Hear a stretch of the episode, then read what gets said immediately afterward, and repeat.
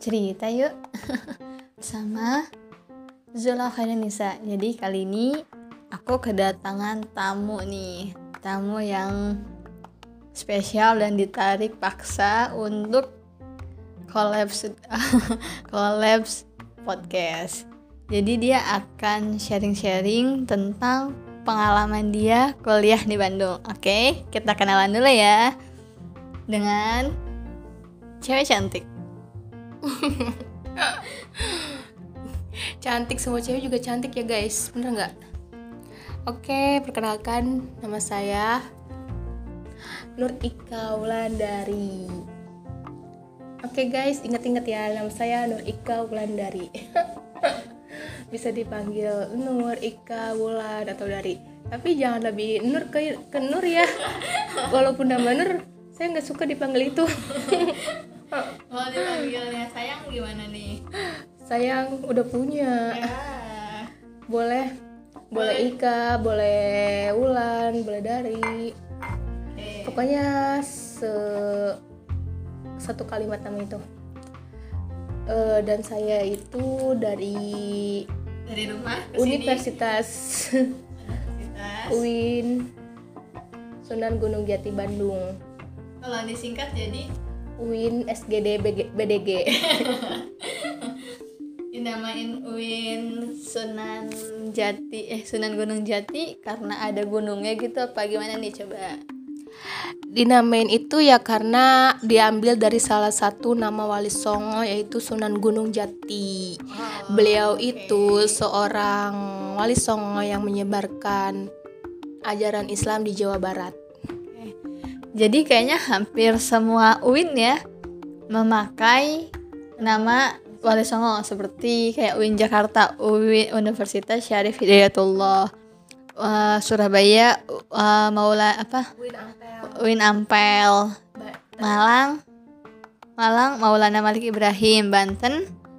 Sultan, Sultan Maulana Hasanuddin. Jadi hampir semua UIN memakai nama Wali Songo. Selanjutnya Kaulan sekarang jurusan apa sih kuliahnya? Oke, untuk jurusan saya mengambil jurusan komunikasi penyiaran Islam. Eh, itu salah satu jurusan yang ada di Fakultas Dakwah dan Komunikasi. Saya semester 3 eh, angkatan tahun 2019. Jadi sebenarnya aku sama Wulan itu satu angkatan 2018 ya. Tetapi kita tuh gap year, gap year itu nunda satu tahun. Pengalamannya bener-bener ya Lan ya. Yups, bener. Coba eh, pengalaman Wulan sebelum nih keterima kuliah di UIN Bandung. Pengalaman waktu itu banyak banget pengalamannya dari mulai ikut tes-tes kuliah terus eh, apa ikut komunitas juga supaya masuk supaya bisa masuk kuliah. S- aku lulus di tahun 2018 itu lulus SMA. Kemudian setelah itu lulus dan udah satu tahun. Tapi sebelum itu pernah daftar untuk kuliah tuh jalur SBMPTN.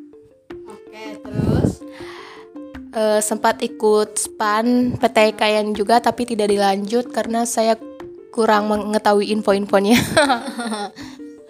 Oke, kalau misalkan di di negeri itu namanya span span PTKIN. Kalau misalkan di agama di kita bukan span. Eh, Span dong. oh ini ya di kalau misalkan di bawah departemen pendidikan itu senam PTN, sedangkan di bawah pendidikan agama span PTK PTKIN.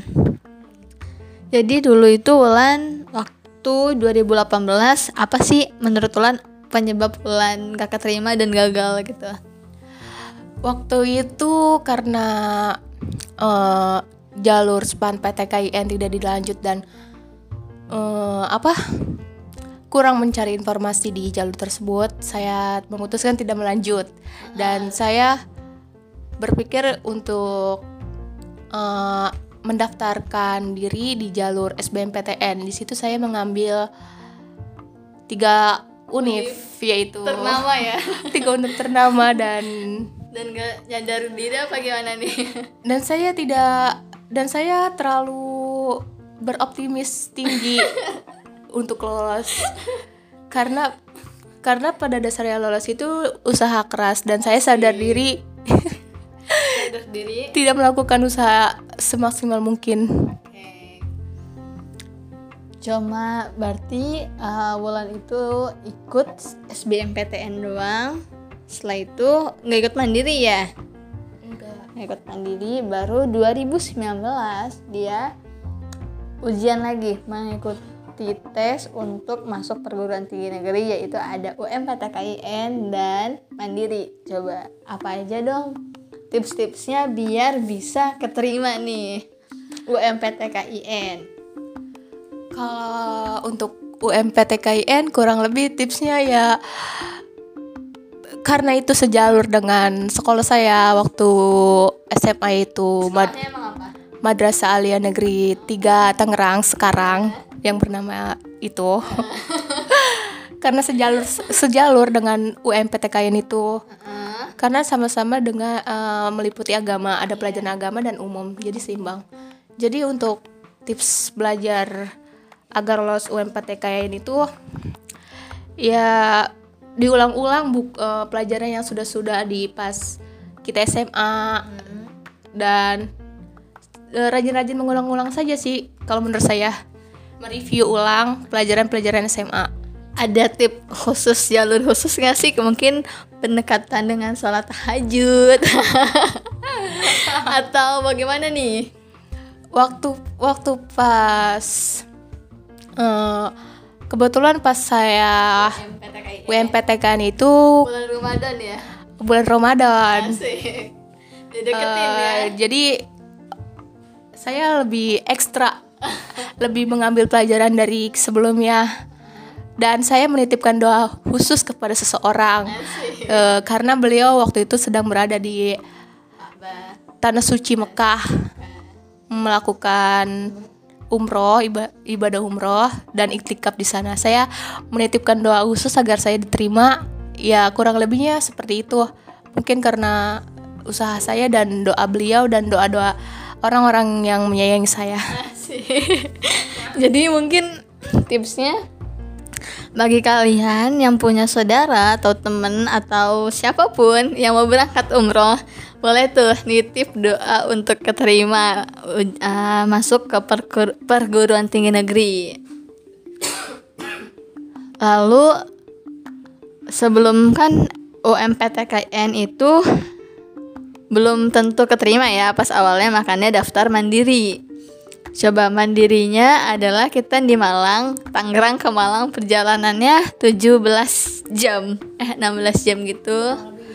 Kurang lebih segitu coba pengalamannya bagaimana dong benar-benar luar biasa nih.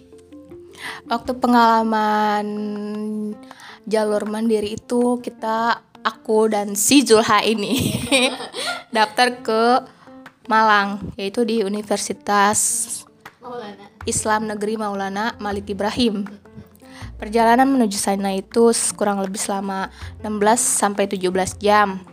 Di situ kita mm, berangkat berempat ya, Iya. cewek Berempat. berempat dan duduk Eh, lima deh. Cewek tiga, cowok dua. enggak pas kita berangkat kan cowok duluan Ah, yang sampai Malang. Kita nyu- menyusul, kita berempat. Nah, itu naik kereta kita. Terus kemudian sampai perjalanan di sana udah tuh belajar-belajar, tapi eh, saya kurang suka kalau eh, mendaftar jalur mandiri itu. Karena menurut saya eh, jalur mandiri itu sisa-sisa anak dari yang nggak keterima gitu ya. nggak keterima di jalur-jalur sebelumnya.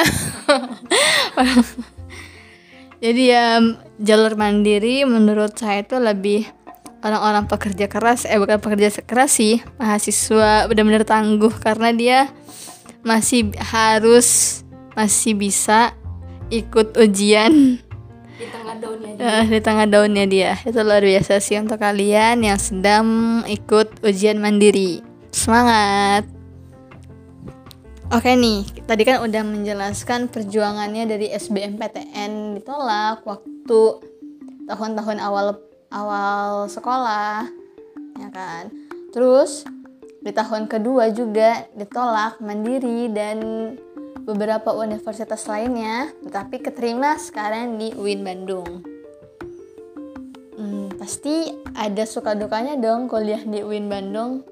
Kayaknya kebanyakan sukanya deh ya, apalagi sekarang udah punya cem-ceman orang Bandung. Wah, kita kepoin lagi yuk, kita paksa dia untuk sharing. Coba apa nih sukanya di Bandung? Apa yang membuat betah banget nggak mau pulang nih serius nih orang nih harus dijemput dulu baru pulang Wow, ya guys, jadi saya perlu dijemput, perlu dipaksa untuk kembali lagi ke Tangerang. jadi suka duka sukanya itu di Bandung tuh banyak banget, terutama dari segi udaranya. Kalian tahu kan guys, pasti Bandung tuh dikelilingi dengan gunung-gunung, bukit-bukit yang otomatis bukan otomatis, ya sudah sudah semestinya emang udaranya se- sejuk, sangat sejuk sekali bahkan. Dan kalau saya eh, eh, tempat apa sih? Wisata. Bukan. Kalau eh, tempat tinggal seka- saya sekarang ini itu eh, di sebuah pondok pondok pesantren yang bernama Al Musyahadah di situ lokasinya itu dekat sekali dengan kampus saya. Berapa kilometer? Tidak sampai berkilo-kilometer. Oke. Eh, pusatnya itu di di pusat kota. Walaupun Bandung walaupun di pusat kotanya itu ya masih sejuk. Gak, gak banyak polusi kayak di Jakarta ya? Nggak terlalu banyak polisi banget. Tetap sejuk aja walaupun di kota apalagi di kabupatennya guys. Oh, oke. Benar-benar sejuk banget ya Lan. Lalu pernah ke mana aja nih kalau misalkan di Bandung nih? Terus sama dia pernah ke mana aja juga kalau saya anaknya kalau untuk berbayar paling ke daerah-daerah deket aja ya. Ada gratisan. Kalau untuk gratis-gratisan ya paling diajak sama seseorang. Paling kalau untuk berbayar tuh ya nonton tonton bioskop. Itu sebelum eh, adanya pandemi seperti sekarang ini. Dan paling ke Dago ya jalan-jalan ke alun-alun Bandung. Kalau Wow. tidak ke GBK. Gasibu, GBLA Oh, GBLA. paling ke situ-situ doang yang kalau untuk gratisan. Oke eh kalau kalau untuk ber- berbayar. Itu kalau ke Dago kemarin? Kalau untuk ke Dago itu itu ada acara acara teman perpisahan teman juga. Eh, dia itu lulus di di Mesir. Nggak eh, tidak tahu sih detailnya di universitas apa. Lulus melalui jalur tafid hmm? ya saya luar diundang biasa. mana nggak kedengeran Oke, jadi eh, seru banget ya, banyak banget wisatanya. ya. Emang Bandung benar-benar terkenal dengan keindahan alamnya, pesona alamnya, apalagi sejuk banget. Makin putih nih kalau misalkan ini Yud eh, ada videonya, ini benar-benar cantik banget ceweknya. Iya. jangan share Rendah hati banget ya. tidak tidak untuk konsumsi publik Oke. Ah, pasti di dalam perkuliahan bagaimana sih sistem kuliah dan Wulan ini dia kuliah sambil pesantren. Wow, pasti benar-benar sibuk banget. Dan bagaimana coba nih ke sehariannya? Jadi gini guys, antara kuliah dan pesantren kalian pasti tahu itu benar-benar capek, benar-benar mumet, benar-benar ah pokoknya gitu dah.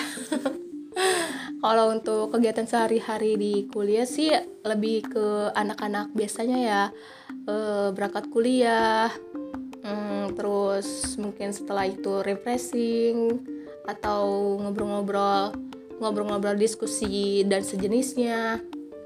Kalau untuk kuliah sih, kalau untuk jadwal kuliahnya sih eh, di fakultas saya sendiri yaitu dakwah dan komunikasi itu uh, ada jadwal kenal. Wow apa namanya itu? jadwal kenal ya guys. Itu dari jam 6 bayangin guys lagi ngantuk-ngantuknya disuruh kuliah. Udah dah tunduh-tunduh dah di kelas. Hati-hati ya di Bandung. Terus kalau pesantrennya bagaimana tuh? Kalau kegiatan pesantrennya itu lebih ke aktifnya tuh KBM malamnya. Karena pihak pesantren itu mentoleransi akan adanya kegiatan di kampus dari pagi sampai siang mungkin ada yang sampai sore. Dan untuk malamnya itu semua santri semua eh, apa sih? Santri santrinya mahasiswa ya. santri mahasiswanya itu harus sudah ada di pondok jam berapa itu? Pasti ketat banget ya. Eh, sekitaran jam 6-an sebelum maghrib itu udah harus di pondok. Karena karena kan tidak mungkin kuliah sampai malam. Kuliah aktif aktif eh, tatap muka sampai malam itu tidak mungkin. Sangat tidak mungkin sekali. Kecuali ada keperluan organisasi-organisasi yang lain. Tapi kalau kalau aku kuliah bener sampai abis maghrib juga masih ada nggak ada. Oh kalau di UIN Bandung nggak ada ya? Nggak ada. Jadi ada KBM malam. Kalau misalkan mau sambil pesantren. Kenapa sih pengen pesantren? Kayaknya pesantren lebih riuhnya. Eh kenapa sih mau pesantren? Alasannya bukan mau bukan karena mau. Oh, lebih tepatnya itu karena tidak tidak hanya dipak tidak tidak dipaksa tidak tidak tidak mau dan tidak dipaksa juga. Ya karena eh, membentengi diri dari pergaulan pergaulan yang bebas seperti saat ini. yang kalian pasti itu sudah ya. tahu kan pergaulan anak zaman sekarang yang yang Wow, sering wah gitulah. Jadi emang membentengi banget ya karena pergaulannya sekarang nih emang luar biasa. Dan ada lagi. Dan keuntungan di pesantren itu apa ya? Gabut. Misalkan kita lagi gabut tapi nggak gabut banget gitu guys. Karena banyak orang ya. banyak orang eh, emang sih ada suka suka duka. Kadang kalau misalkan kita capek di pesantren tuh ya apalagi di kuliah pesantren wah pasti itu capek banget kan. Nah kita butuh butuh istirahat tapi di situ banyak orang guys jadi maklumin aja kalau kita eh, nggak terlalu nyenyak untuk istirahatnya Jadi emang semuanya itu ada suka dan ada duka nggak mungkin dong kita selalu bahagia terus tidak akan pernah ada. Jadi emang Wulan ini membentengi diri untuk kuliah sambil pesantren. Kalau suka eh kan tadi udah suka ya. Sukanya di Bandung kuliah di Bandung adalah sejuknya kenyamanannya suasananya. Itu yang membuat Wulan benar-benar suka. Dan di pesantren juga sukanya adalah karena banyak orang kita bisa mempunyai banyak teman kita bisa bergaul dengan orang-orang lebih banyak. Dan dukanya dan kalau nggak ada uang pun bisa makan minjem. bisa bareng-bareng guys. Dan dukanya di pesantren adalah ketika kita capek tapi harus tetap ikut KBM malam. Dan memaklumi Dan memak- bahwa itu tuh tempat banyak orang bukan tempat untuk pribadi mas masing-masing. Iya jadi beda dengan kosan dan dukanya di kuliah apa nih? Tadi kan pesantren dan sukanya di kuliah. Kalau sekarang dukanya di kuliah apa sih yang gak enaknya nih? Udah semester 3 dukanya di kuliah ya mungkin kayak anak-anak lainnya karena kayak anak-anak kuliah lainnya yang banyak tugas bejibu numpuk dan kadang deadline. Bukan kadang sih bahkan sering. Eh, dukanya ya di antaranya tadi. Terus juga kadang eh, mencari teman yang frekuensi itu susah guys. Antara di kuliah dan di pondok bahkan di luar dari itu. Ya emang. Cari teman yang benar-benar sefrekuensi itu susah. Dan kalau kalian udah tem- menemukan teman sefrekuensi teman nyaman untuk kalian cerita berbagi pertahankan itu. Karena emang susah banget. Nah, Wulan di di Bandung itu udah hampir satu tahun lewat. Coba dong penutupan untuk podcast ini coba. Bahas pakai bahasa Sunda ya penutupannya. Guys, sebenarnya kurang lancar bahasa Sunda alus itu. Karena saya orang Tangerang dan di sini Sundanya sudah kasar. Jadi mohon maaf kalau ada kata-kata salah dalam bahasa Sunda yang saya ucapkan. Jadi gini guys, hatur nuhun sadayana. Oke, ih, lembut banget suaranya. Oke, itu artinya apa itu, Neng? Terima kasih semuanya. Oke, terima kasih semuanya. Terima kasih juga untuk udah mendengarkan podcast. Hai, cerita yuk.